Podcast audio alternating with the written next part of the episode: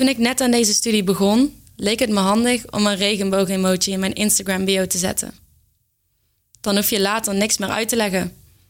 Toch heb ik dit niet gedaan. Het hele uit de kast komen vind ik gewoon echt stom. Ik werd vorig jaar verliefd op een meisje van mijn studie. Ze kleedde zich jongensachtig en ze wilde eigenlijk ook een jongen zijn. Transgender dus. Meteen kreeg ik de vraag van mensen of ik dan ook panseksueel was. Jezus, weet ik veel. Als je verliefd bent op een jongen en hij vertelt je op een dag dat hij liever een meisje wil zijn, dan verandert je seksualiteit toch ook niet? We vallen allemaal op innerlijk, toch? Right.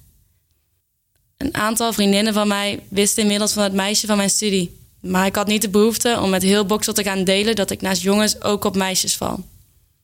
Ik vind het eigenlijk helemaal niet nodig om mezelf als het ware in een hokje te plaatsen. Als het een keer op een feestje gaat over mensen die lesbisch of biseksueel zijn en ik hoor iemand roepen: Oh my god, Julia, dat ben jij toch ook? Luister, dan spring ik echt uit mijn vel.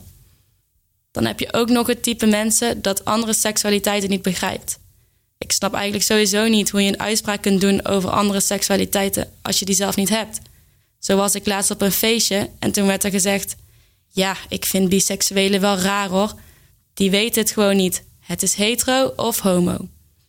Als je jezelf als iets anders dan hetero definieert, gaan mensen zich ook meteen bemoeien met je seksualiteit. Mensen, dat is niet de bedoeling. En dan heb ik het nog niet eens gehad over de profiteurs. Heb ik een keer een date met een jongen, dan komt het onderwerp ter sprake. Oh, nou, voor mij wel handig. Wat bedoel je hier nou weer mee? Ja, voor een trio of zo. Als dat echt je eerste reactie is op mijn seksualiteit, dan kan je meteen je spullen pakken en vertrekken. Alsof dat voor mij perfect zou zijn, omdat ik dan met beide genders in bed lig. Hoe kortzichtig kun je denken? Waar je ook zoveel gezeik over hoort, is over mensen die genderqueer zijn. Waarom moet NS nou weer dames en heren veranderen door reizigers? Deze uitspraak haalt echt het bloed onder mijn nagels vandaan. Alsof iemand daar last van heeft. Je bent toch ook een reiziger? Al zou NS yo bitches zeggen of hoi stomme mensen, ik zou er nog niet bijna wakker van liggen. Reizigers klinkt eigenlijk sowieso logischer. Dan worden kinderen en huisdieren ook niet meer buitengesloten. Dus nee, ik heb geen regenboog-emoji in mijn Instagram-bio staan.